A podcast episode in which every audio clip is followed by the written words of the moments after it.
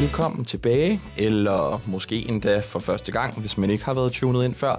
Du lytter til Bonsair Sessions, som er en marketingpodcast, der har en klar ambition om at byde hyggelige, sjove og i særdeleshed inspirerende snakke med spændende gæster, vi inviterer i studiet. Og alt det, det tør jeg godt love, at vi har på programmet i dag. Vi er nået til afsnit 4, som i dag har emnet high performance som det alt overskyggende tema. Og til det, der, øh, der har vi, synes jeg, vredet armen på os selv og virkelig inviteret en vaskeægte ekspert på området i studiet, som blandt andet vil prøve at hjælpe os med at give lidt gode råd til, hvordan man eksempelvis kan få sit marketingteam til at blive et high performance team, samt mange andre af de her dynamikker, der egentlig ligger bag begrebet high performance generelt. Man kunne næsten ikke finde et bedre motivationsemne til sådan en grå, kold og regnfuld januardag, som det er nu, hvor jeg lige kigger ud af vinduet her den 24. januar. Øhm, dagens gæst har blandt andre hjulpet navne som Kasper Julemand, Marianne Dahl og Claus Meier, øh, som blandt andet er på listen over foredragsholdere i øh, hans virksomhed. Så jeg synes, det er en ganske kompetent herre, vi har fået lukket med i studiet, og jeg må også bare sige, det er personligt et emne, som jeg har glædet mig rigtig meget til at blive klogere på. Så lad os bare få kastet os ud i det. Dagens hovedperson, det er dig, Allan Levan, grundlægger og indehaver af High Performance Institute. Ja. Velkommen til. Tak skal du have. Vi øh, plejer lige at køre sådan en lille runde, hvor vi lader vores gæster introducere dem selv. Så hvad end du har lyst til at fortælle, så er mikrofonen egentlig din. Tak skal du have. Ja, som sagt, jeg hedder Allan Levan, og jeg startede High Performance Institute for mange år siden. Ja, det er faktisk 25 år siden, jeg startede. Og, øh, og der samlede jeg jo mennesker fra sport, kunst, videnskab og erhvervsliv, som er High Performance Institutes DNA, at, øh, at vi skal hente inspiration og læring og mulighed for at træne high performance, det skal vi hente fra, fra de fire verdener. Og det har været, det har været hvad hedder, DNA hele tiden. Altså vi viger ikke fra, fra, fra, fra de her fire verdener, når vi skal flytte virksomheder og mennesker fra, fra øh, inspiration til træning. Så er det de her mennesker, vi trækker ind. Og du nævnte nogle af dem. Det kan være Kasper Julemand, Jim Hamann Snabe fra erhvervslivet, og Kasper Holten fra, fra kunst, og Lene Tangård fra, fra videnskaben. Så det, det, det er vigtigt at det er vigtigt at forstå, at, at, øh, at det er det var sådan, det hele startede. Jeg samlede de her 40 mennesker fra de her forskellige verdener, og, og vi blev så enige om, at, at, øh, at ledelse er ledelse, og, og vi kan lære af hinanden, og, og de forskellige verdener kan, kan lære af hinanden. Og det, det har vi vist, at det, det holder sgu. Jeg lavede mig bare sådan en lille hurtig liste, da jeg lige bladrede igennem jeres foredragsholder på, øh, på hjemmesiden. Først og fremmest selvfølgelig Julemand, en af de mest moderne, respekterede ledere ja. de, de seneste ja. år herhjemme i, ja. øh, i Danmark. Jeg noterede mig også øh, igen, som, som du selv har nævnt, Jim Hagemann Snabe. Ja. Vel en af de største mastodonter, vi har haft i det danske erhvervsliv nogensinde. Øh, Morten Albæk, Marianne Dahl, Christian Stadil, en anden fodboldtræner, Thomas Frank. Ja. Øh, øh de meget kendte tv-kokke, Adam Prise, Claus Meier, Andrea Elisabeth Rodolf også, for den sags skyld. Du har øh, nogle, øh, nogle kendte mennesker på speed dial, lyder det til. Jeg har de bedste. Det har jeg virkelig, og, øh, og det tror jeg har været god til at spotte. Altså, både det, at de, de er high performer inden for deres domæne og deres øh, branche, eller, eller der, hvor de arbejder. Det er meget, meget vigtigt, og det er ret godt til at spotte de her mennesker fra de forskellige verdener her, der, der, der er det. Mm. Og jeg opdager dem ret hurtigt. Jeg opdager dem ret, øh, ofte meget lang tid før alle andre. Men det er ikke nok, at jeg spotter de her mennesker og siger, hold kæft, her har en high performer inden for sport, Kasper Julemand, Thomas Frank eller lignende. Men når, når jeg bruger dem, så, så er der en, en ting, de skal kunne, nemlig at fortælle en personlig historie fra deres område, fra deres domæne, fra deres branche, hvor med andre mennesker får adgang til sig selv igennem den. Det skal være sådan, at de holder foredrag. Det kan jeg jo se, når jeg nogle gange er med at folk de sidder og lytter, og så kan jeg se på dem, at, at de tænker, det han taler om lige nu, eller det hun taler om lige nu, det er sgu da mig. Eller det er da vores virksomhed. Her er der noget, vi kan bruge. Her er der noget, vi kan, øh, noget, vi kan lære. Og den der, den der, bruge de der verdener til at, til at de her virksomheder, de her mennesker, de, de finder noget i sig selv, som de faktisk ikke har vidst, øh, at de har brug for. Det, det, er, det er tricket. Det er tricket, ja. Wow, jeg er allerede spændt. Så vi kommer til at snakke meget mere om High Performance Institute, og hvordan det er, at du også samarbejder med ja. de her fantastiske ja. Personligheder. Øhm, dagens anden gæst, som måske lidt mere har marketingskætten på, øhm, det, er, det er Thomas Bog, som sidder lige herovre til højre for øh, Allan, faktisk en debutant i Bonsair Sessions øh, også, og en person, ved jeg personligt, som er meget passioneret omkring high performance i søgemaskiner, og øh, den virksomhed, øh, han er øh, en del af, det er jo vores virksomhed, SEO-bureauet Bonsair. Det er vores CPO, Thomas Bo Rasmussen. Velkommen til. Jo, tak. Hvordan går det med dig? Jamen, det går godt. Det synes jeg da. Der, der er travlt. Det er der hele tiden i, øh, i den verden, vi lever i. Så, øh, men det er jo kun spændende. Det kan vi lide.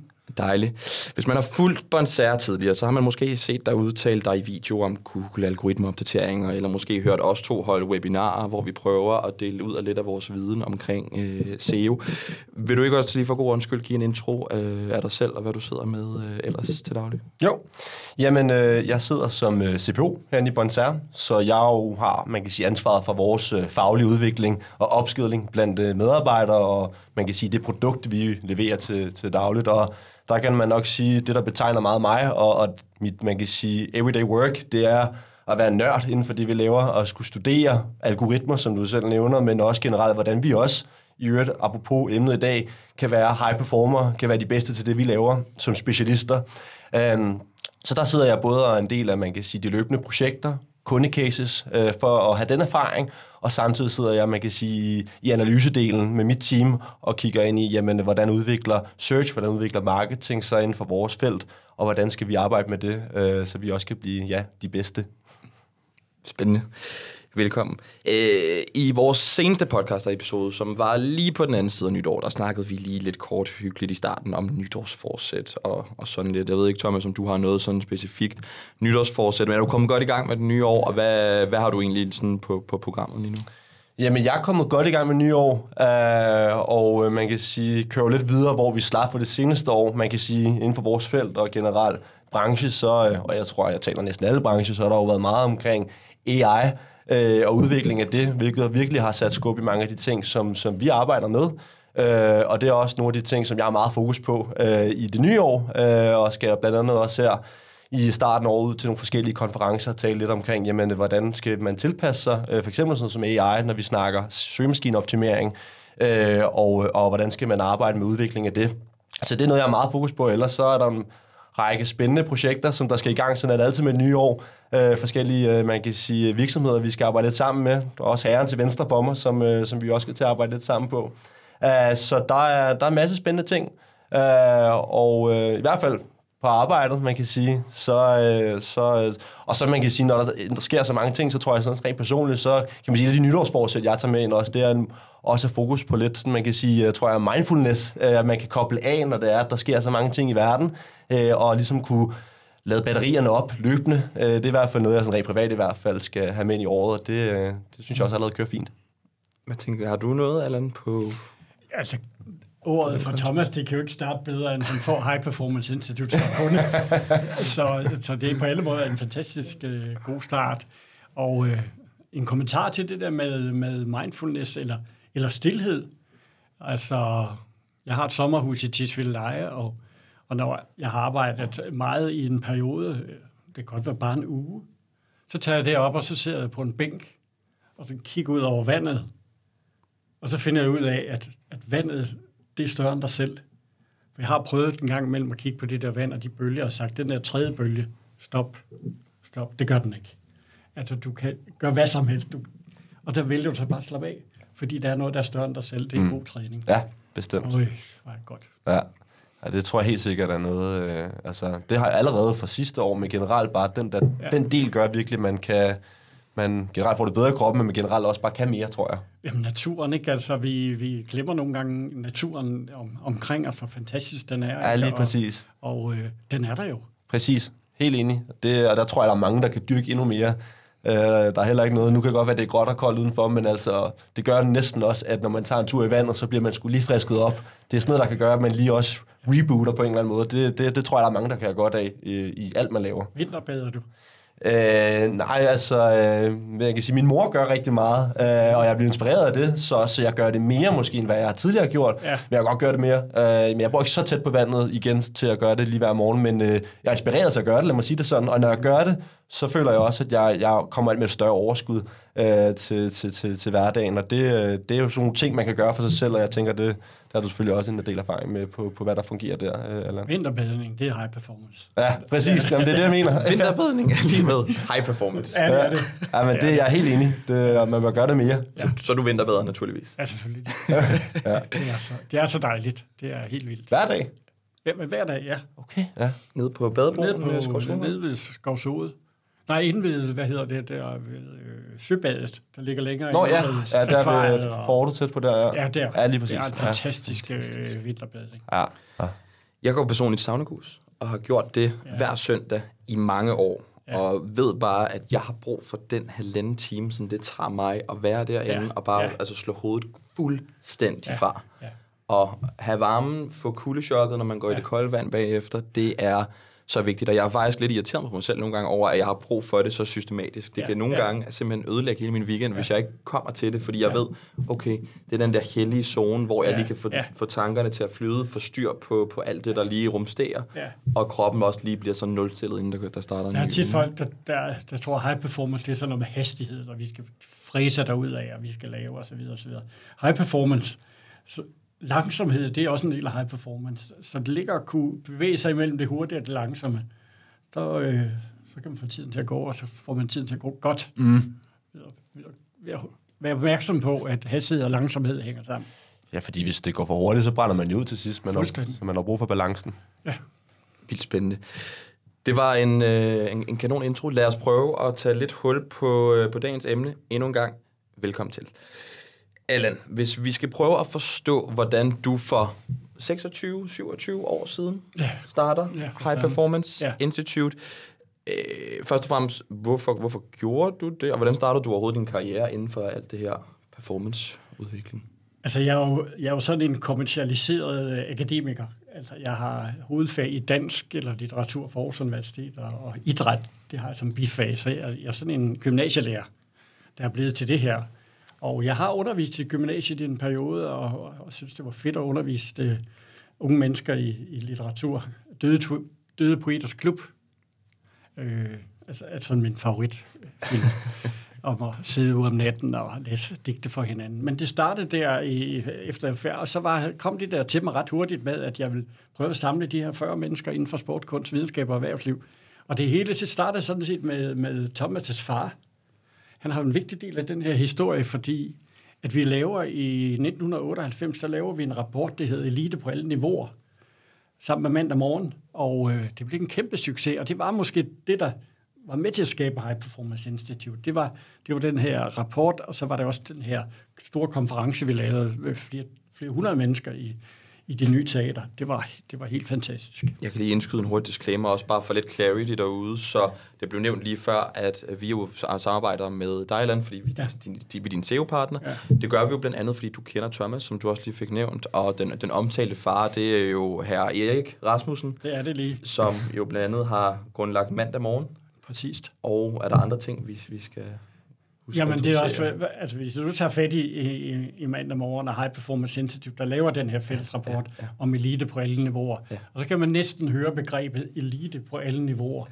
Det, det er et vigtigt mindset, fordi vi alle sammen har en elite. Ja. Altså, jeg har selv en mor, der, er- der er rengøringskone. Hun er, hun er verdensmester i rengøring. Og derfor er det vigtigt, at man ser mennesker, high performance, som, mm. som noget, der ligger i alle. Så elite på alle niveauer, det er, at uanset hvor det er, så er der en elite i dig, eller en elite i det der menneske. Og de folk, der sidder herude, de har en, de har en elite eller en kompetence, mm. noget særligt. Mm. Og hvis man så kan pushe den, eller hvis man kan dyrke det potentiale, der ligger i eliten, Ja. så, får man, så får man high performance medarbejdere, fordi de kan noget mere, end du tror. Helt enig. Og det er det, jeg har brugt alle de her mennesker til. Det er, de kan fortælle nogle historier, hvormed de andre mennesker får adgang til sig selv. Og de lige pludselig opdager, "Hold kæft, jeg har et helt andet potentiale, end jeg troede, ja. før jeg mødte Julemand, eller Frank, eller, Ja. eller Thomas Bo. Ja, forhåbentlig nogen, der tænker sådan. øhm, okay. Så, så det, det er for 6-27 år siden, du har, Ja. du har dygtiggjort dig på universitetet, du Ja. har fundet en passion, du har fundet noget, som du gør dig umage indenfor, Ja. Og som du også kan mærke, det er noget, du brænder for. Ja. Der er, kommer et samarbejde med øh, Erik Rasmussen Ja. blandt andet, Ja. øh, og, og så går du ud derfra, og så håndplukker du 40 individer Ja. på tværs af kunst, sport, erhvervsliv Og videnskab. og videnskab, Ja. og så siger du, venner, prøv at høre her, vi er nødt til at finde ud af, hvad det er for nogle symbioser, Ja. der, der, der kan komme i spil, hvis vi skal prøve at få defineret, hvad er high performance Ja. egentlig? Hvad er nogle af fællesnævnerne for det? Ja. Præcist. Og, øh, Hvad sker der så derfra? Hvad siger du? Hvad sker der så derfra? Derfra sker der det, at, øh, at jeg samler den her gruppe øh, i, det, i det første en del af High Performance Institute filosofi. Vi har sådan en ILT, ILT-filosofi, inspiration, læring, træning. Og, og sådan basic High Performance Institute, det er i inspiration. Så jeg samler alle de her 40 mennesker i inspiration, som er foredrag. Alt, hvad der foregår inden for en time til en dag. Det kommer de ind, og så stiller vi et hav af foredrag. Altså, det bliver en kæmpe succes, det her, den her foredragsvirksomhed, hvor jeg tilknytter de her mennesker helt eksklusivt til High Performance Institute. Og de får den her opgave om, om at fortælle en personlig historie fra deres domæne, øh, hvor man andre får adgang til sig selv. Og det, der så er vigtigt her, det, det er, at, at de her high performer, de, de er jo high performere andre steder. Jeg har dem jo ikke ansat. Jeg går ud og henter dem derude, og så låner jeg dem. Jeg er så privilegeret, jeg låner de her mennesker i en time eller to timer, og de så arbejder for mig. Så, så det er unikt også ved High Performance Institutes måde at være på. Det er, at, at her får folk løn, når de laver noget. Og, og, og de startede det hele med, som en foredragsvirksomhed, bygget op omkring high performance. Altså det der at gøre sig umage, eller nogle gange, når jeg definerer high performance, det er faktisk en, en min gamle mentor tilbage i, i, for 25 år siden, han sagde, high performance, det er at gøre det en tand bedre end forventet. Og det har jeg altid godt kunne lide. Ja. Fordi det får sådan en high performance, jamen det er at gøre den tand bedre end forventet. Altså, så kunderne siger, hold kæft, vi får mere, end vi har betalt for, eller vi får mere, end vi havde forventet. Den der forventning, men overstiger forventningen, det, det, det er et godt kundetrik. Ja, og man kan oversætte den til det hele. Altså, jeg vil sige, det er jo også, der, der, der tager du også det, som jeg også altid synes, jeg Ja. prøver, man kan sige, at leve efter i forhold til den del. Men jeg ved det er jo nemlig noget, du også selv altid har prædiket for, det, det her. Hvordan kan man lige gøre det ekstra Ja. bedre end gennemsnittet?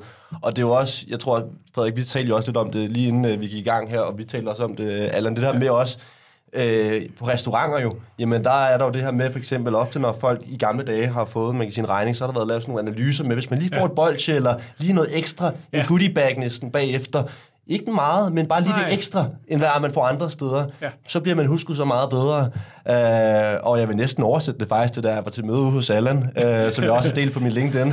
Øh, jeg kommer, og så, så er der både en... Øh, Ja, der står velkommen til Thomas i uh, HPI og, med, med, med stor skrift, og uh, der hænger ja. simpelthen også en Juventus-trøje, som om at du næsten kunne, kunne læse, at det er min yndlingsspiller gennem uh, ja. hele livet i fodbold. Så, uh, så det gør jo, jeg aldrig glemmer det møde i hvert fald. Så der er allerede der, uh, nu kender jeg jo i forvejen til det. Men, men jeg vil bare sige, de, det er jo de ekstra ting, og det kan både ja. være, man kan sige til et møde, men eller i, i leverancen, eller hvad det Ja, er. ja. Og Så, så lige der gør det ekstra, det, det, det er i hvert fald også øh, i hvert fald helt enig i, at det tror jeg i hvert fald noget der. Det er det, der ligesom er high performance, det er du lige... Ja, fordi altså, der skal så lidt til Ja. at skabe den der forskel, men hvis du ikke er bevidst på, for eksempel Perks øh, tehandel, mm. der får man bolcher. Ja, præcis. Yes. Og ikke fordi jeg går derind for at få et bolcher, men at bare, ja, nu siger jeg det her, ikke fordi ja. det er lige en lille forskel.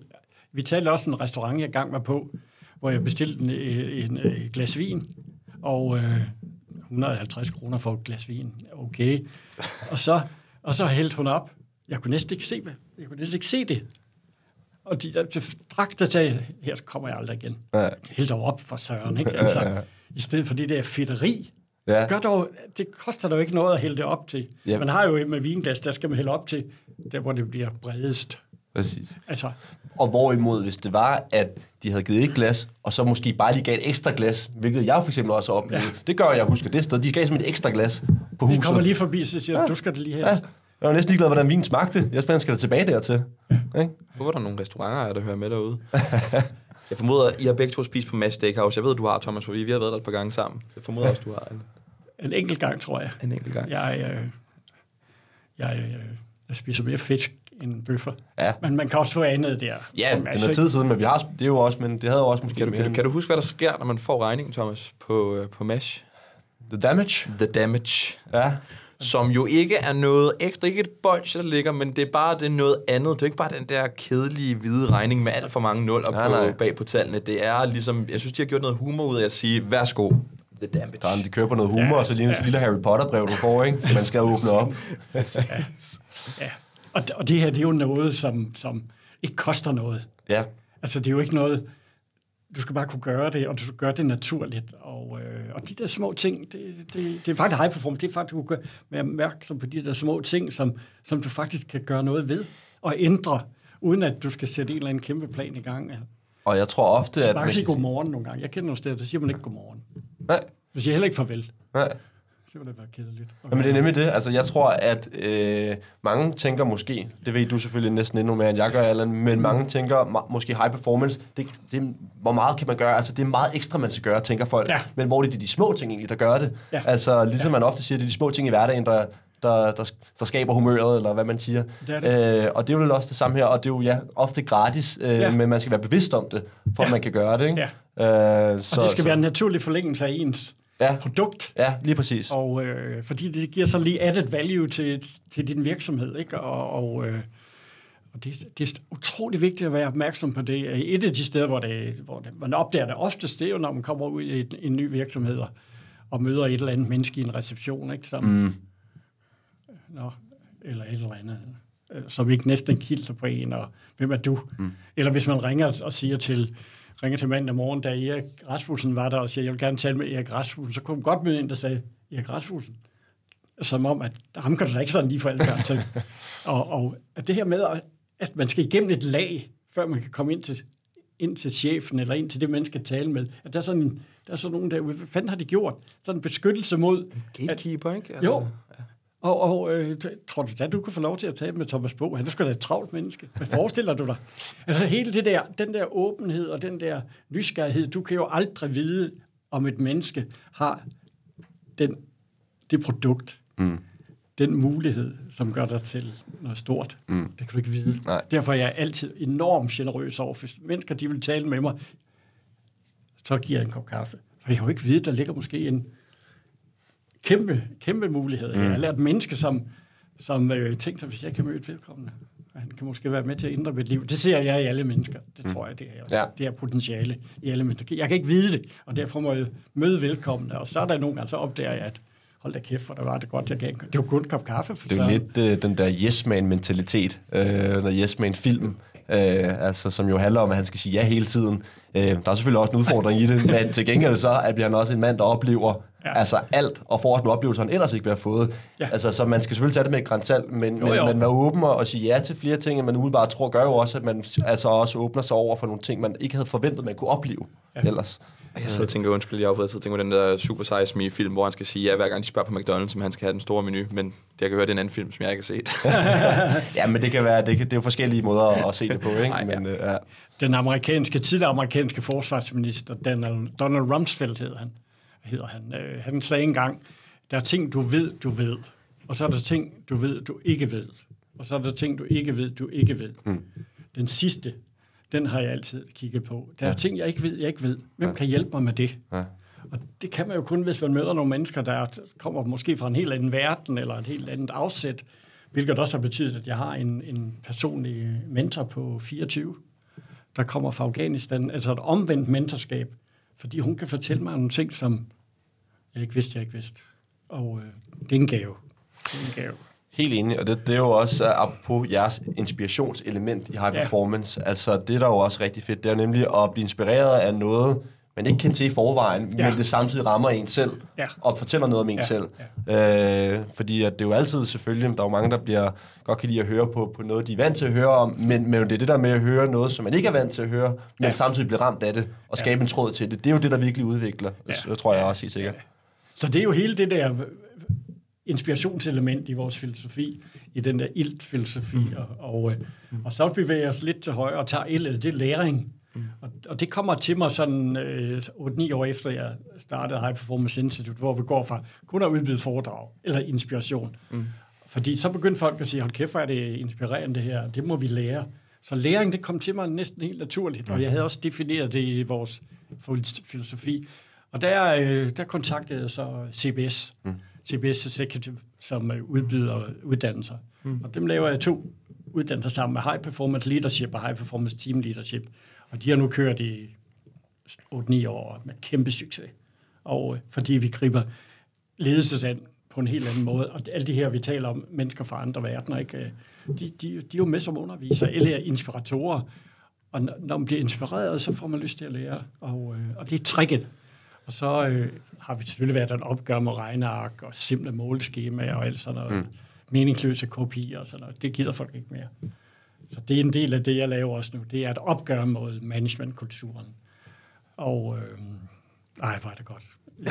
ja, du er, du. Jeg elsker det simpelthen. Jeg, altså, tænk så, der er så meget dårlig ledelse ude i, ude i virksomhederne i dag, som man tror, det er løgn. De tror, de kan, de kan redde verden ved at lave planer og regneark og Excel-ark og og så det kan de ikke.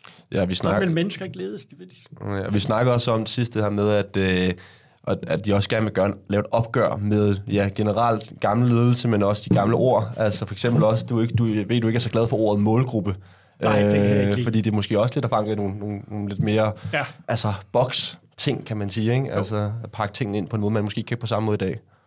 Jamen altså, altså hvis man tror, man kan putte de unge ned i en kasse, eller de ældre ned i en kasse, eller de gamle ned i en kasse, så går man en kæmpe, kæmpe fejl, fordi altså, med, altså jeg er et menneske uden alder, og, øh, og der, jeg kan møde en ung på 25, som ikke er bevæget sig ret langt, og jeg kan møde en på 75, som bare er enormt inspirerende og spændende. Så vi skal passe på med, ikke? vi skal se alle mennesker som et potentiale, mm. og som en elite, uanset hvor de er i livet. Og, og alder er noget pjat. Altså det her med, at jeg har tit tænkt på, at, at en dag, så sender jeg en ansøgning, og, og, og så kommer jeg selvfølgelig til samtale, fordi jeg ved lige, hvordan jeg skal lave den. Ikke? Mm. Og så når de så finder ud af, at det er en ældre herre, så får de et chok. fordi de kan ikke se potentiale i mig, de ser kun mit hår, de ser kun min, mm. min alder, de ser ikke mit potentiale eller min energi, ja. eller hvad jeg kan, hvad jeg kan hjælpe dem med. Ja. Og det, det, jeg, jeg gør det en dag, så. Ja, du havde fået et job her. Kamera ja. Du havde fået et job herinde alene på håret og på, på brillestillet. Ja, det kan du se. Ja, nydeligt. Ja. nydeligt. Uh, I tager ja. hul på nogle rigtig spændende ting. Jeg kunne godt lige tænke mig, at vi lige cirkler en lille smule tilbage igen, eller ja. bare lige for ja. at forstå, hvordan det er, at du sådan rigtig kommer ud over stepperne med det hele. Øh, fordi jeg har, har fornøjelsen af også bare at læse lidt mere om jer. Jeg har ja. faktisk også haft jeres, skal vi kalde det salgsmateriale, eller den her brochure, ja. Ja. som Thomas tog med hjem øh, fra ja. jeres kontor, da han var der senest. Og ja. altså, det er jo hedderkronede referencer, du har i det blad. Der står øh, Novo Nordisk, Mærsk, mm. TV2. Generelt bare kan man se det største af det største. Ja hvordan er det, man over årene har, har fået lov til at arbejde sammen med dem, og, og hvad, hvor er det, I står henne i dag? Jeg tror bare, at de, de perspektiver kunne være meget fede lige at, ja. at få med os. Jeg tror, vi, vi, vi har de her kunder, eller den, den tiltrækning hos, hos, det, hos kunder. Jeg tror ikke, vi, vi, vi der er 75-80 procent, dem, de kigger ikke på os. Men jeg tror, high performance virksomheden, dem der gerne vil være bedre, de kigger på os. Og det er også dem, vi gerne vil, vil hjælpe eller arbejde med, og øh, som, som opdager hurtigt, at, at vi ikke leverer det, de vil have, men det, de har brug for. Vi udfordrer dem på, på deres mindset, og, øh, og hvis de åbner, og de det for det, så, så vil de jo kunne sidde sammen med mennesker fra den anden verden end deres egen, og, øh, og, og lige pludselig opdage noget, de ikke har. Jeg kan tage et eksempel. Jeg blev kontaktet for, for ah, det er et års tid siden, hvor hvor Region Hovedstadens overlæger, de skulle have en eller anden konference, og så ringer de til mig og sagde, har du en god speaker til 50 overlæger? De skarpeste knive i skuffen. Øh, kirurger må det være så. Øh, og, øh, og så sagde jeg, jamen jeg har, jeg har en, fordi... Øh, og så valgte jeg så Kasper Holten, fra, direktør for det kongelige teater, og, øh, og så det første, han sagde, den her øh, søde mand, han sagde, at jamen, det er jo ikke opera, vi skal. Nej, nej, Kasper Holten, han, er ikke, øh, han kan ikke synge øh, men han kan inspirere jer til at bevæge jer ud i en læring og ud i en træning og, og ud mod high performance. Og så sagde jeg øvrigt, at, øh, at hvis han ikke øh, skaber high performance øh, til det her møde, så, øh, så får du det gratis. Og øh, fordi de var jo vant til, at de der 50 overlæger, de mødte endnu en overlæge. Og så når man kun er sammen med de mennesker, der ligner en, mm. så lærer man ingenting. Og, øh, og ved at møde mennesker fra andre verdener, så åbner man sig så op Og øh, jamen, det var blevet en kæmpe succes mm. med, øh, med, øh, med Kasper der, og, og han betalte selvfølgelig den fulde pris. Jeg, jeg var lige ved at lægge 10 procent oveni. Men det er, altså, det er de her, de her virksomheder, de, de er ambitiøse, mm. og, og, øh, og de, har, de har prøvet mange ting, ikke? Og, og, og så møder de det her lag af, hvor de siger, oh, ja, det er helt vildt det her. Du har jo dem alle sammen, siger de. Du har jo det alle sammen, det bedste inden for sport, kunst, videnskab og erhvervsliv. Ja. ja, det har jeg. og du har skabt verdens bedste virksomhed. Halløj, skulle vi ikke lave noget? og øh, og, og det, det, det kan vi. Mm. Jeg ved, vi kan det. Vi kan levere på højt niveau. Men tricket er igen, det er, at vi kan, vi kan inspirere dem til, at de opdager noget i sig selv, som de vidste ikke havde. Altså, jeg sidder nogle gange med, med for, for eksempel en, en Jim Haymans nabe og, og udvikler et nyt foredrag. Og så siger folk, er du ved at udvikle nyt for mig? Ham en af verdens bedste og mest markante erhvervsledere. Ja, han har brug for mig. Han har brug for mig, fordi jeg kan, jeg kan finde noget i ham, som han, øh, som han, ikke, som han ikke selv har opdaget. Og derfor, derfor tiltrækker jeg nogle af de her mennesker, fordi de, de ved, at jeg kan gøre dem bedre. Det lyder fedt, ikke? Jamen altså, en drømmejob. Ja, det er det et drømmejob, at, at kunne give. Altså, det, det er måske en af mine driver. Det, det er at, at kunne give. Altså, jeg var så privilegeret engang, at, at, øh, at jeg mødte Mads Øvlisen, tidligere direktør for Novo Nordisk, og, øh, og vi sad faktisk i en hel time og talte om, om det vigtigste i ledelse, det er at give. Fordi du ved, du som, som leder, der, der er din vigtigste opgave, og eneste opgave, det er at hjælpe andre med at præstere. Mm. Det, er dit, det er dit job. Mm. Og, og det gør du ved at give. Giv alt det, du har. Giv dig kærlighed, energi, giv dig muligheder, værktøjer. Så, øh, så, øh, så får du både, både følgeskab af, af de her medarbejdere, men de føler, at du giver et godt hjerte. Og den her, den her følelse af at give, mm. det, det, det koster heller ikke noget. Nej, præcis. Vi, er inde, vi har mange af de der det koster ikke noget. Nej, det er det. Det er de bedste ting. Altså, det, ja, give. Og ja. det behøver ikke nødvendigt. Bare det der lille, lidt mere vin, og, ja. og hej, og have bols, og, altså, der er mange ting. Præcis. Hold op. Ja, og der er mange, der kunne, du kunne gøre brug af det mere, tror jeg. Jeg er god til det. Jeg er fandme god Ja, det er det. Ja, uha. Du har lidt, Thomas, tror jeg, været med til at udvikle slogan for øh, SEO-bruget øh, her, der vist også hedder, et af dem i hvert fald noget, ala, vi hjælper de bedste med at blive endnu bedre. Ja. Øh, ja. kan, du, kan du ikke lige sætte nogle flere perspektiver på, hvordan man også kan bruge det her sådan, både inden for SEO, men måske også sådan mere overordnet inden for marketing? Jo, men altså, jeg tror, at øh, det hele kommer lidt tilbage til det her med, hvordan vi kan gøre noget ekstra end, end, end gennemsnittet. Øh, man kan jo sige, at i Bonser, der er vi jo et... Øh, specialistbureau. Øh, så man kan sige, at i vores DNA ligger der altid det her med, hvordan kan vi være det absolut bedste? Hvordan kan vi levere mm. noget mere? Øh, og jeg tror, at altså, man kan sige, og det må også være en af grundene til, man kan sige, jeg tror, at High Performance Institute har så meget succes med de forskellige, for eksempel ILT, altså ja. inspiration, læring, træning. Det er jo fordi, det er noget, man kan sige generelt, der fungerer i high performance alle steder. Det er jo noget, vi også indirekte arbejder efter her jo. Altså, vi jo samler jo mange forskellige specialister, der deler den samme passion, øh, som derfor er gode til at inspirere hinanden. Øh, man kan sige en ting, der man kan blive inspireret øh, til, til, til foredrag. Det andet det er også, hvordan vi bliver inspireret i hverdagen. Og øh, det, der i hvert fald er måden, vi arbejder med det på, det er at samle forskellige typer mennesker, for, der har forskellige kompetencer, men baseret på den samme passion, de samme mål. Ja. Øh, det er det, der gør, at vi skaber et fedt team, og det er også det, der gør, at vi inspirerer hinanden det skaber en fortsat nysgerrighed, der gør, at vi altid har lyst til at lære mere og levere bedre for de øh, virksomheder, vi arbejder for, men også til hinanden.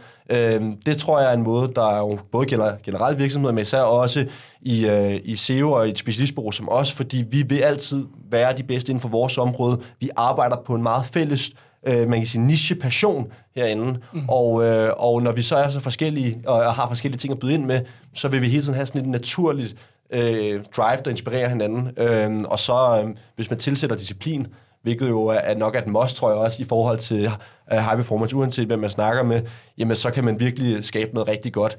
Uh, og uh, ja, på den måde lever vi så efter helt det her, som jeg startede med at sige, hvordan kan vi levere noget, noget ekstra, uh, noget ekstra for vores kunder, for hinanden, uh, og hvordan kan vi altid være nysgerrige at se på, jamen, hvordan kan vi gøre det bedre.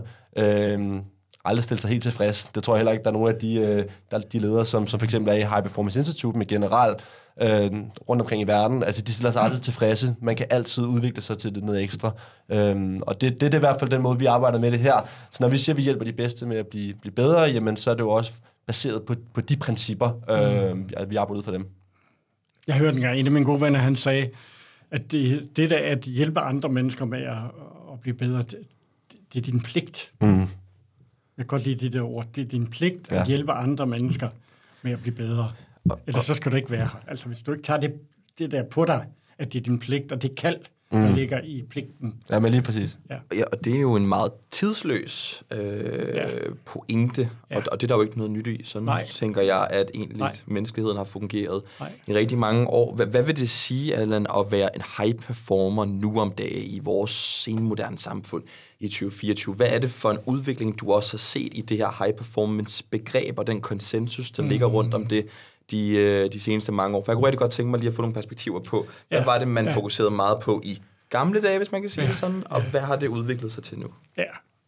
Altså de to ord, der er sådan, sådan når, jeg, når jeg møder dem, forskellen på, på management og leadership, øh, er så tydeligt. Altså, at øh, management, det er jo kontrol og styring og, og, og så videre og så videre. Leadership, det er det, der løfter mennesker op på, på, på high performance niveau.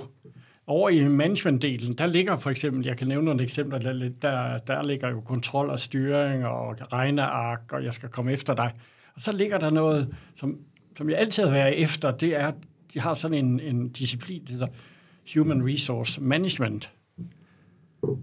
Og hvis man lige tager det der ord og siger, hvad, hvad det, det betyder? Det betyder menneskelig styring og kontrol, og, og det, det kan jeg slet ikke have noget med at gøre.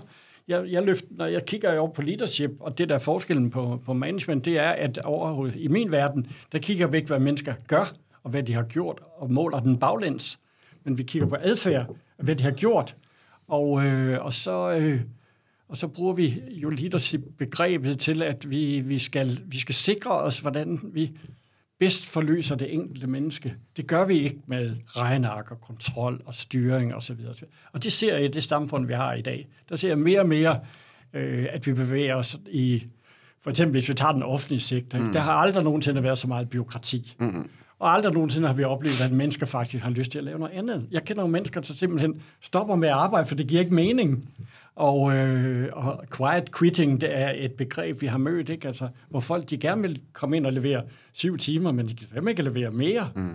Så, så de vil have det der, det der, det der hele liv. Og øh, tidligere var der også over i management, der var der noget, der hed work-life balance. Det er der ikke over i min verden. Det hedder det life balance.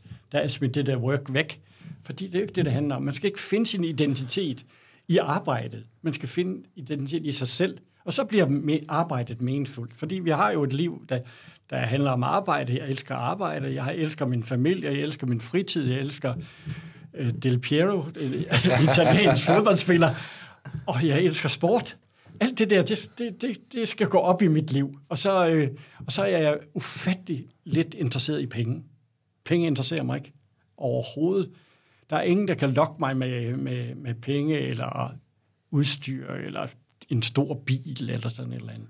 Jeg er sat i verden for, for at have et, have et godt liv og skabe high performance, og det, det, det sker i en selv. Mm. Og, og, og det sker ikke ved at lave systemer og kontrol og, og tæske mennesker igennem nogle regneark. Det, altså det, og det ser jeg meget i tiden, ikke? at, øh, at, øh, at alt det her kontrol og styring og byråkrati. Og jeg hørte så i den socialdemokratiske regering, at vi skal arbejde mere.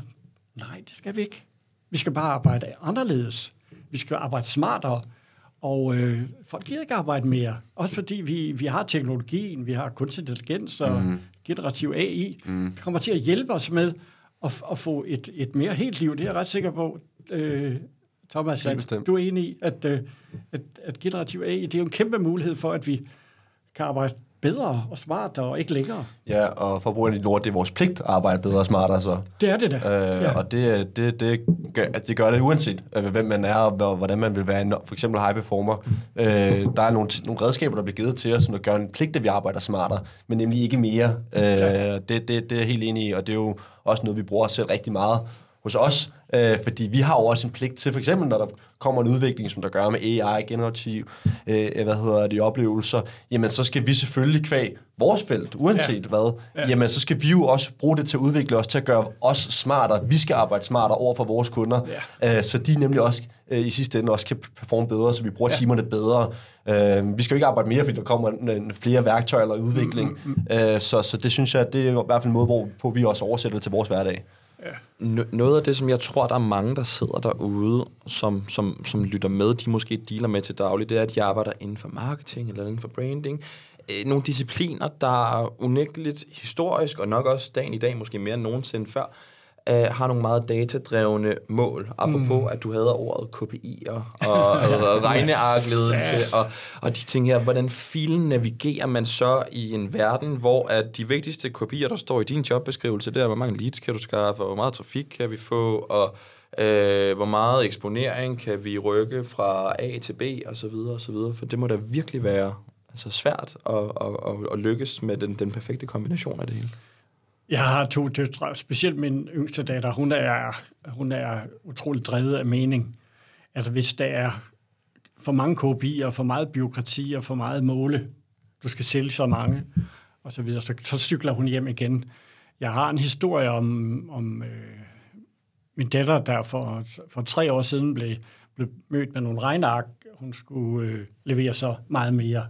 Lad os sige øh, 100 af dem og øh, da året var om, så, så leverede hun 110, og så har hun jo overpræsteret. Men da hun så kom til, til mødet, så, så lå hun kun på 80. Og det blev hun ret, så ret ked af. Hun synes, hun knokte som gal, og, men hun var kun nået 80. Og det var jo rigtig dårligt, og, og, og op til julefrokost, og så blev hun kåret til årets medarbejder, fordi hun havde, hun havde givet den gas, og hun undrede sig over, hvordan hun kunne blive årets medarbejder, når, når hun kun præsterede 80 procent. Mm. Og, øh, og det skete så over to også, at, at, at hun blev vores medarbejdere, og hun nåede altså kun lige 83 procent af, af, af de måltal, de har givet hende. Ja. Og, øh, og så tredje, og så spurgte jeg så mig, Allan, øh, hvad skal jeg gøre? Det, det, det må du selv for det. Altså, du, du bliver målt på noget, du dybest set aldrig nogensinde vil kunne nå. Du vil aldrig kunne nå 100 procent. Så må du være glad for de 80 procent. Og hvis du mærker i dig selv de 80 procent, det, er de, det er det, du kan. Det er det dit potentiale. Men hvis de hele tiden bliver ved at punkte på, at, at du ikke er god nok, fordi du ikke leverer 100 procent, så, så, øh, så må der op.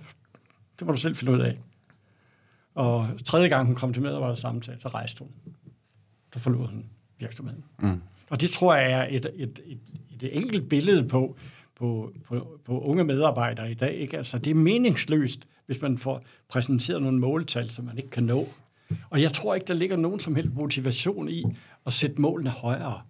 Jeg tror, det er demotiverende også. Giv dem nogle mål, de kan nå. Mm. I stedet for nogen, de ikke kan nå. Og så bare give den gas, og du er mm. dygtig og sådan noget. Puh. Jeg tror virkelig, virkelig, virkelig. Sæt dem der, hvor de er. Giv dem der, hvor de er. Hvis jeg så siger elite på alle niveauer, så alle folk, alle mennesker kan levere 100. Men vi deler det op i målgrupper og, og, og alt muligt halløj, ikke? de kan levere 80, de kan levere 90, og sådan Hold du op. Hold nu op med at give dem alle de der tal. Det er demotiverende, det mener jeg, der. Mm. Det er ikke ledelse. Mm.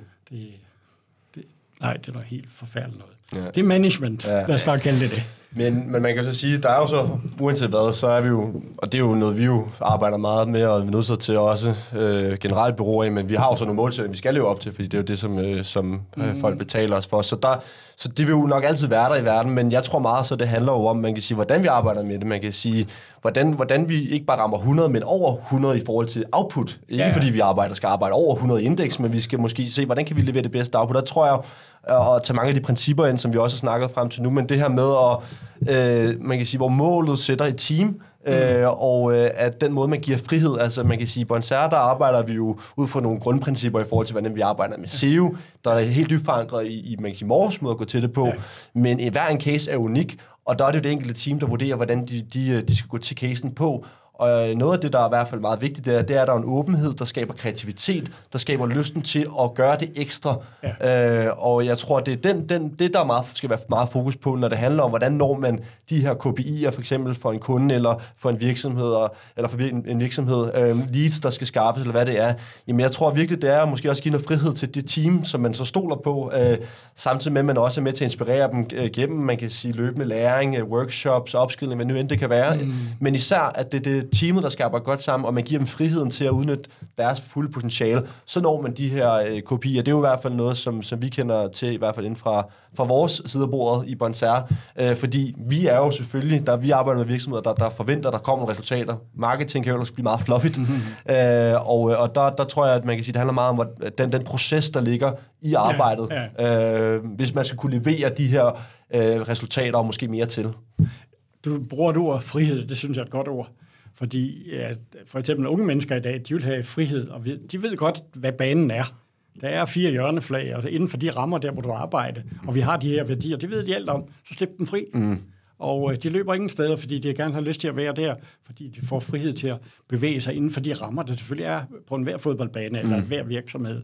Og det er meget, meget centralt for, for mange unge mennesker. Jeg tror også for, for ældre mennesker, eller for, for gamle mennesker, friheden til at kunne, og lysten til, og dermed pligten til at levere den, øh, den, den skal være der. Ja, det er også derfor, at man øh, jo nogle gange ser, altså øh, fodboldhold kunne fuldstændig løfte sig, nu når vi alle sammen og også har et kendskab til fodbold. Det er jo, når nogle gange spillere får lov til at spille frit, ja. øh, hvilket jo også var, i sig selv var et centralt emne, dengang Danmark vandt EM i 92. Ja. Øh, altså, at man, man fik lov til nogle ting, altså at man kunne være mere fri no, no, ja. no, på nogle områder på en bane og sådan nogle ting. Det kan man jo oversætte til, til alle andre former for institutioner, vi, og det, det skaber ja, resultater. Vi havde, jo ikke, vi havde jo ikke verdens bedste spillere, men vi havde verdens bedste hold Præcis. på et tidspunkt, ikke? Ja. og vi havde måske også verdens bedste træner, som kunne skabe det her, den her inkluderende kultur, hvor folk havde, havde lyst til at være, og jeg fra Kasper Julemand, mm. øh, hørte jeg engang, at da de havde været ved EM, og der skulle gå tre måneder, før de mødtes igen, der havde Kasper Michael sagt, jeg kan slet ikke overskue, at vi først mødes om tre måneder. Og tænk at skabe sådan en kultur, hvor den bare har lyst til at være sammen, og, og se 11 forskellige mennesker, de, øh, de, de præsterer sammen med, med stor glæde. Jeg har altid sagt, 11 Michael Laudrup, de vinder ikke fodboldkampe, men det gør, det gør teams af forskelligheder. Og, og hvis de bliver ledet rigtigt, de er svære at lede. Altså, heterogene team, de er svære at lede en homogene team. Mm. Og, øh, men de er sjovere, og de præsterer bedre. Men man skal nogle gange være efter dem, ikke, fordi de er, de er vilde. Den sidste fodboldanekdote, den kan jeg komme med som en, en stor øh, Real Madrid-fan gennem hele mit liv. Så voksede jeg jo op, da jeg var en lille knægt, og så tændte ja. jeg for skærmen, og hvem var der? Det var jo Galacticos-holdet. Det var ja, jo ja. Real Madrids præsident, Florentino Pérez, der har været ude og håndplukke alle de bedste og alle de dyreste spillere i hele ja, verden. Ja. Ronaldo, Zidane, ja. Ja. David Beckham og hvad de ellers hed. Og det, det er ikke nogen hemmelighed, at de havde det rigtig svært sammen. Det er det da. Det er det da. Jeg er jo Barcelona-fan. Rigtig Barca-fan, ikke? Og, og, ja, så.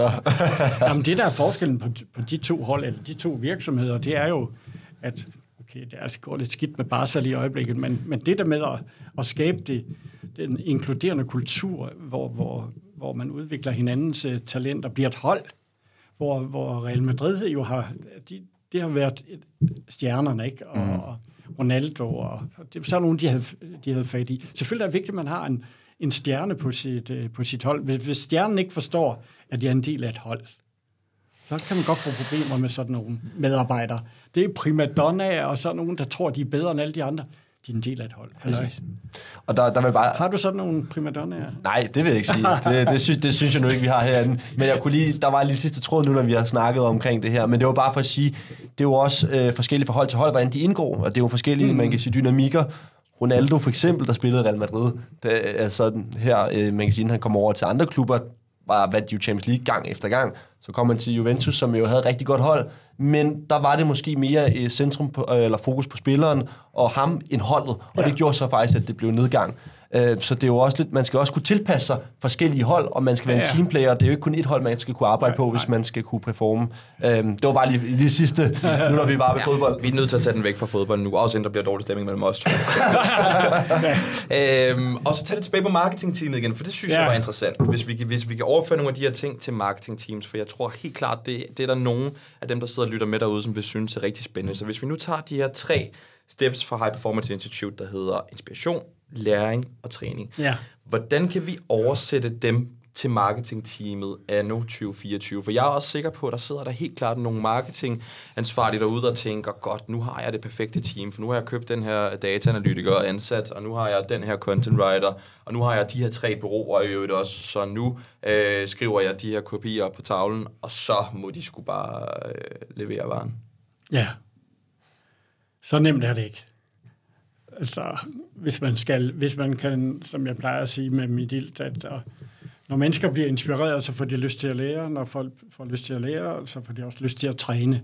Og jeg tror, det er den her, det er den her proces, man skal som virksomhed eller i marketing. Man skal inspirere øh, de kunder, man har til at, at tage det til sig, den her, den her inspiration til sig i læring. Selvfølgelig leverer man nogle, nogle planer, nogle deadlines osv., osv., men det skal skabe den her mening, den her inspiration skal skabe mening, som man har, har lyst til at lære fra kunden også, mm. og, og så videre. Øh, og så kommer træningselementet. Det er, at så skal vi træne. At når vi bliver inspireret, og vi lærer, så skal vi træne. Og jeg tror, noget af det vigtigste for en, for en virksomhed, eller for et, manage, for et marketingteam og andre, det er, at de får skabt en træningskultur. Altså når vi laver de her opgaver, og, og vi lader os inspirere af, af, af kunderne, altså opgaven sætter holdet, øh, og, og lærer af den, så været så, vi skal træne efterfølgende? Og, øh, og hvad hedder han? Kasper Holten fra Det Kongelige Teater, han har sådan en performance-model, jeg godt kan lide. Han starter med at sige, hver gang de har en opgave, så, så siger han, vi, de skal give mening. Hvad er meningen med det? Hvorfor skal vi lave det her? Hvad er meningen med det? Hvorfor skal vi lave den her kampagne for den her, det her virksomhed? Hvad er meningen med det? Og så når de har, har fundet meningen til det, og folk siger, yes, vi kører, så skal vi træne. Og når vi har træner, så går vi ud og præsenterer det, og vi bliver selvfølgelig modtaget med hyldest og klapsalver og alt muligt. halløj. Og så fejrer vi det. Og så går vi i træning igen. Mm. Og så i mening igen. Altså det her med, at, at øh, det har jeg altid været meget, meget efter i forhold til i hvert fald dem, jeg arbejder med, det er, I træner simpelthen for lidt. Altså erhvervslivet, de træner simpelthen for lidt. Mm. Og derfor så er det vigtigt, at man skaber en kultur, hvor, hvor, hvor, hvor den her inspiration, eller, eller det her, øh, vi gerne vil lave, og det er fantastisk, ikke? Hvis det bare ligger der som en inspiration, og så gør vi det som noget enkeltstående og unik, så får man det, det der gjorde vi godt, og det gjorde vi ikke godt, og så videre. Man henlægger jo ikke nogen cases, man træner på dem. Mm. Og jeg kender mange virksomheder, for eksempel advokatbranchen kender jeg meget godt, at jeg spurgte engang, hvad, hvad, hvad så, når I har været i højesteret, I har vundet eller tabt en sag, hvad gør jeg så? Henlægger de sagen. Henlægger I sagen. Hvorfor træner I ikke på den? Mm. Hvorfor tabte vi den? Hvorfor vandt vi den? Mm. Og, og hvis man kan få den der kultur ind, og, og der er kunderne jo sindssygt vigtigt, de bidrager helt vildt til mm. den her læring. Og, og hvor skal vi så gå hen og træne, ikke? Og- Og, Det, det, det er et feedback loop, man hele tiden skal arbejde med. Og det er jo noget, som vi selv, for eksempel hos os, jeg arbejder hele tiden med. Vi arbejder med mange forskellige virksomheder, ja. og det er, jo, det er jo også case-materiale til træning hos Ja, os. ja. Altså, vi bliver jo naturligt stimuleret og, og, og inspireret af det felt, vi arbejder i. Der sker så mange ting, og de kunder, vi får lov til at arbejde sammen med. Den del øh, bør alle, der arbejder for eksempel også i marketing, jo gerne blive øh, inspireret nok af i sig selv, men også af hinanden. Ja. Ja. Men, men, det, det led, der hedder nemlig træning, ja. Ja. øh, det er jo en disciplin, der er nødt til at være, øh, og især i et område som nu snakker vi marketing, og inden for vores felt i marketing snakker vi så også AI og, og ja. med søgemaskineoptimering. Der ændrer tingene sig hele tiden, og øh, det gør os inspireret, men det gør også, at vi er nødt til, til at træne på, hvad der sker ud fra verden af, og de findings, vi gør, de erfaringer, vi, vi får også fra de forskellige cases, vi arbejder i, ja. det er vi nødt til at træne på, for ellers bliver vi ikke bedre. Og det, det er noget, vi jo så har meget fokus på herinde, og det tror jeg generelt i marketing, man skal, øh, hvis man øh, skal kunne, kunne tage det som inspiration til næste kampagner, til næste projekter. og derfor så, altså, en af de vigtigste ting, inspiration jeg får fra sport og kunst, det er netop træning. Mm. Altså, 90 procent af det, kunstnere gør og, og sportfolk gør, det er træne. Mm. Altså, så er de, går de på banen en gang imellem, og på scenen en gang imellem, ikke? Men træning. Kasper Holten, han blev engang spurgt om, hvad laver I, når I ikke øh, øh, spiller forestilling? Han forstod næsten ikke spørgsmålet. Hvad vi laver, når vi ikke spiller forestilling? Du kan stille det samme spørgsmål til julemand. Hvad laver I, når I ikke spiller kamp? Vi træner. Mm. Og øh, dem, der vil være de bedste, de træner. Mm. Og de træner mere end de andre. Mm. Og, øh, og derfor, hvis, hvis I vil være de bedste, så skal I hele tiden træne mere end de andre. Og, I skal, og derfor skal I være nysgerrige på, hvad var det, vi, vi leverede? Hvad lærte det os? Hvad var det, kunden reflekterede på det? Og, øh, og så træne på det. Og hvordan kan vi gøre det endnu bedre næste gang? Ikke? Og jeg har sådan en lille model, jeg nogle gange bruger, det hedder vil, kan og gør. Hvad er det, I vil? Hvad er det, I vil, Bonsager? Hvad kan I? Og hvis I vil og kan det, øh, som du nu har fortalt mig, så giv, gå ud og gør det. Men hvis du bare fortæller mig, at det her vil vi, vi vil være Danmarks bedste bureau, så siger jeg, har du, kan I det? Har de rigtige medarbejdere? Har de rigtige kompetencer? Så siger du, det har vi. Okay, så kan I, så kan I gå ud og spille kampen. Mm. Ellers kan I ikke. Jeg tror, I træne. Mm. Og der tror jeg, det er vigtigt at være efter den der træning hele tiden, fordi Præcis. vi skal være totalt skarpe på, på, på træningen. Og det tror jeg, at det skaber også en fantastisk kultur. Man får en træningskultur, altså en, en bane, hvor, hvor man har lov til at begå fejl. Prøv, lige at gøre det lavpraktisk, Thomas, i, i forhold til marketing. Hvordan kan man træne som et marketingteam, eller som et SEO-team, eller... Altså nu er det noget, i den måde, vi arbejder med tingene på, så hedder det learning by doing. Så træningen ligger også i selve kampen, kan man næsten sige. Ja. Altså vi er nødt til at træne og hele tiden bruge de erfaringer, vi gør, i alt, vi, vi, vi laver, og derefter teste nye ting. Øh, men det handler især også om, at vi er nysgerrige til at søge ny viden. Øh, det er en del af træningen. Vi skal søge ny viden. Hvad sker der i vores felt? Øh, og hvordan kan vi tage det ind i vores træning, i vores kamp, kan man sige, øh, billede. Øh, og så også, vi træner hinanden. Uh, man kan sige, sådan nogle uh, formater som uh, workshops, kurser, hvad end det kan være, mm. de er utrolig vigtige, fordi det er en måde, hvorpå vi kan lige zoome ud, og så sammen arbejde sammen om nogle forskellige cases, øh, arbejde med nogle forskellige ting, der kommer fra, fra op vores omverden, og så derefter tage det med direkte videre til, til kampbilledet igen. Så, så der er forskellige måder at gøre det på, men det vigtige det er, at vi hele tiden er, søger den nye viden, og vi tager den erfaring, vi får på vores cases, og så hele tiden arbejder med det. Øh, det, er, det er en træning, som der ligger integreret i vores kampbillede, vil jeg sige. Ja, og, og det, det kan jeg så øh, øh dig lidt på, ikke? Altså, learning by by doing. Mm. Det, det, men jeg tror, det er vigtigt, at man også har en træningsbane. Altså, når jeg nogle gange hører, jamen, vi har ikke en, vi har ikke en træningsbane, vi har ikke en, et øvelokale. I har der masser af øvelokale. I har det her, og jeg har andre. Ikke? Altså, der ligger utrolig meget i at gå ind i et andet rum, og, og så træne, øh, som man gør i sport eller kunst, ikke? og ikke bare i kampen. Og 100 procent. Og det er, det er, jeg tror bare, det, der handler om, man kan sige, det er, at i kampen, der får vi ligesom selvfølgelig et, nogle svar på, ja. hvad, hvad selvfølgelig træningen giver. Øh, og, øh, men, men det er helt enig, og det er også det, jeg mener, når jeg snakker, man kan sige, workshops, eller hvad er det for kursusformater, vi har, ja. jamen der er det jo, vi selvfølgelig går i lokaler og træner, ja. øh, og snakker om, man kan sige, tager nogle, sådan nogle real case studies ind og siger, okay, det her, det skete her, hvordan kunne vi have gjort det bedre, hvordan skal vi gøre det bedre næste gang? Så det er selvfølgelig 100% øh, at vi både har træningslokalet, ja. og vi har kampbilledet, øh, hvad hedder det, men, øh, men det er selvfølgelig det, der, når vi er ude i kamp, at det er det, der så fortæller os, hvad, hvordan, hvordan går træningen, ikke? fordi det er det, der giver os ligesom et output af, af den del. Spændende, de her, wow, tiden. Den, Feedback, øh... hvad med det? Vi skal lige have den. Ja, okay. Ja. Jamen, 100% feedbacken ligger jo... kunderne, det, det, det får ikke 100%. instant Lige præcis. Og det er, man kan sige, vi arbejder et feedback loop, der både for kunder og for teamet. Ja. Uh, som, ja. som team, hvordan kunne vi gøre det bedre? Og kunderne giver jo direkte feedback, heldigvis. Ja. Ja. Der er vi jo privilegeret, uanset hvem vi arbejder sammen med. Ja. Uh, og det er jo den del, der skal være med til at, til at styrke det. Ikke? Og der bruger vi jo også meget tid på at arbejde med CSAT, forstå, hvad synes kunderne er vores produkt. Ja. Uh, så det er jo nu, vi løber, løbende arbejder med. Uh, både direkte, men også sådan lidt mere anonymt, så vi kan forstå egentlig, hvad, hvad, hvad synes folk om vores, vores produkt, og hvordan kan vi så bruge det som træningsmateriale. Altså, den eneste grund til, at jeg vil en lille smule videre i teksten, det er, fordi vi snart har siddet der en time. Ja, det Team er fløjet afsted. Ja, det er da helt vildt. Det. Ja, det er vanvittigt. Altså, jeg har jo, jeg har jo i hvert fald to mennesker omkring mig, som giver mig instant feedback. Altså virkelig, virkelig. Og, og noget af det vigtigste for mig der, det er jo det her med, at, at uh, kill your darlings. Altså, hvis jeg bliver fanget i, at jeg, jeg siger det samme, eller har det samme billede, eller har den samme slide, og siger, eller den har jeg altså set 20 gange, den der. Come on. Og, øh, og der får jeg nogle værktøjer. Den kærlighed, man kan få, og respekt, man kan få for et andet menneske, der vil gå ind og give en personlig feedback, det er simpelthen guld. Og øh, man kan simpelthen ikke, øh, man kan ikke undvære det her menneske, der, det er menneske, der kigger på dig. konstant, ikke? og kun har et formål med at kigge på det, det er at gøre dig bedre. Ja, og jeg synes faktisk lige i forlængelse af det, der er der en ting, som, som vi som mennesker kan blive bedre til, og det er måske øh, vores tilgang til kritik. Øh, kritik ja. er jo faktisk en helt fantastisk gave. Hvis folk gerne vil give kritik til en, det er jo en fantastisk gave at kunne få lov til at få viden ja. til, hvordan man kan blive bedre. Ofte har vi det bare en tendens til at tage det sådan lidt for givet og tænke faktisk, at øh, nå, de er nogen, der synes, jeg er dårlig, i stedet for at faktisk fokusere på, hvad er det, vi kan gøre bedre. Altså, det er jo en kritik, kritik er en gave for, hvordan vi som mennesker kan udvikle os og blive bedre. Og jeg tror, at man kan få en forbedret tilgang til det, og det skal man øh, arbejde meget med.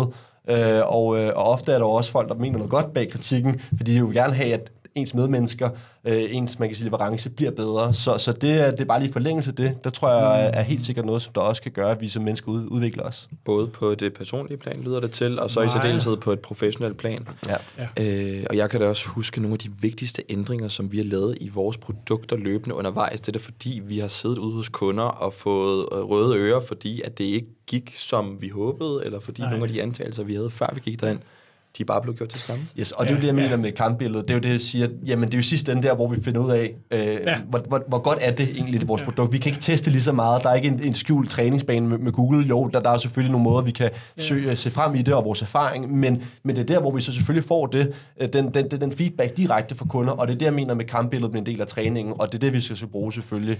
Øh, og der er feedback-loopet øh, essentielt jo, øh, for at øh, det hele bliver bedre. Men det er vigtigt, at man ikke blander feedback og kritik. Altså, øh, når, når jeg får feedback, så får jeg ikke kritik. Fordi kritik, det kan også det kan opleves øh, negativt. Og, og hvis man ikke laver, hvis man kritter banen op, når, når vi taler sammen, så er det feedback, så er det ikke kritik. Du må ikke opfatte det som kritik. Jeg holder meget af dig, og du er dygtig. Og sådan noget. Men det, det er ikke det. Og, det. og derfor er det nogle gange vigtigt, at man sådan lige kritter op forskellen på ros og ris og feedback. Og, og det opfatter de opfatter feedback som kritik. Det er det ikke. Nej, det er 100%. 100%. Og det var egentlig også mere en forlængelse af feedbacken, at man så måske også gik over ja. en lidt en anden, øh, hvad jeg kan sige, parallel, som, der, som ja. selvfølgelig er kritikken. Men, men jeg tænker, det er jo det her med hele det her udviklingsloop, det egentlig handler om, jeg, jeg, jeg tænker på. Ikke? Øh, for der er selvfølgelig forskel på de to ting, men begge ting er med til at fostre en udvikling i os, som, som vi skal være åbne for, uanset formatet, tror jeg. Enig. Så Thomas, det bedste opsummerende råd til øh, marketingteamet, den marketingansvarlige, eller, eller hvem det nu end kunne være, når det kommer til performance i 2024, både på individniveau og så også måske på tværs af teams, det er blandt andet noget med noget feedback og få malet et, et overordnet mål op, og så sammen blive enige om, at vi skal på samme retning, og vi skal ind i nogle feedback loops undervejs, og det er øh, fordi, at vi skal et godt sted hen og ikke fordi vi ønsker at træde hinanden over tæerne. Mm. Lige præcis. Ja, hvad ja. er det Jamen, øh, jeg vil jo sige øh, nysgerrighed. Altså, det kan komme øh, gennem inspiration, men det kan også være noget, vi selv er med til at skubbe frem. Øh, I forhold til, hvis man gerne vil være bedre end gennemsnittet, hele tiden levere noget bedre, så skal vi også være nysgerrige i, hvordan vi kan blive bedre, hvordan kan vi søge mere viden, hvordan kan vi dele ud af vores viden, og hvordan kan vi også bruge det, når vi arbejder sammen med andre. Der tror jeg, at den disciplin, der ligger bag det, er rigtig vigtig. Øh, så nysgerrighed, øh, tror jeg, øh, også fordi det er, det er også lidt sådan et, et, et kreativt, frit ord, øh, mm. som ikke er noget, der er management på den måde, men Nej. lidt mere af, af, af en inspiration. Mm du har lært os mange ting i dag, eller du får lov på sådan en, en, en afgørende note. Sender en regning. Ej, du kan få lov at blive inviteret herind igen, fordi jeg føler, at vi kunne snakke flere timer herfra. Oh, ja. hvordan, øh, hvordan kommer high performance til at udvikle sig i fremtiden? Jeg tror, det går en god tid i møde, fordi jeg tror både, at vi får nogle generationer, som, øh, som vil arbejde på en anden måde, og som vil øh, hjælpe hinanden på en anden måde. Og fordi vi ser, jeg tror, vi ser, jeg er så positiv, at, at jeg, jeg ser, jeg, jeg ser øh, en fremtid i, at folk gør sig umage, og de har en pligt til at hjælpe andre med at, at, at, at have det godt og hjælpe hinanden, og give. Altså, generositet, det, det tror jeg bliver mit næste, mit næste buzzword. Ikke? Altså, vi skal være generøse, og vi skal give alt det, vi kan, fordi det, det der high performance er, det er at, at give andre muligheden for at, at præstere. Det er det, der for mig er high performance. Og, og inspirere mennesker til at få lyst til at lære og lyst til at træne. Ja, når jeg kigger på mine egne børn, når de møder den inspirerende lærer eller den inspirerende træner, så får de lyst til at lære. Og så får de lyst til at træne. Og jeg har set det så mange gange i skolen. Jeg kan huske en gang, min datter kom hjem, hun havde kristendom for første gang. Og jeg kunne se, at hun havde mødt den inspirerende religionslærer. Og så sagde hun, far, vi har haft kristendom her i dag. Det er vildt spændende. det gamle testamente, og hun læste, og hun læste, og jeg tænkte, hold da op, nu har hun lyst til at lære. Og måske ender hun med at blive præst. Sikke en ja. øh, note at slutte af på. Vi er nødt til vejen til den. Du skal have et kæmpe tak, fordi du havde lyst til at være med. Ja. Og tak til dig, Thomas. Jo, selv tak. Tak. Håber virkelig, der er faldet en smule inspiration af øh, derude. Studiet herinde, det er så i hvert fald uh, inspiration uh, lige nu. Og uh, så håber jeg også, at I er blevet så inspireret af at lytte til os, og jeg har lyst til at lytte med igen, når vi inden for en lille uges tid går til mikrofonen igen og udgiver et nyt afsnit. Indtil da, have det rigtig godt og på genlyt.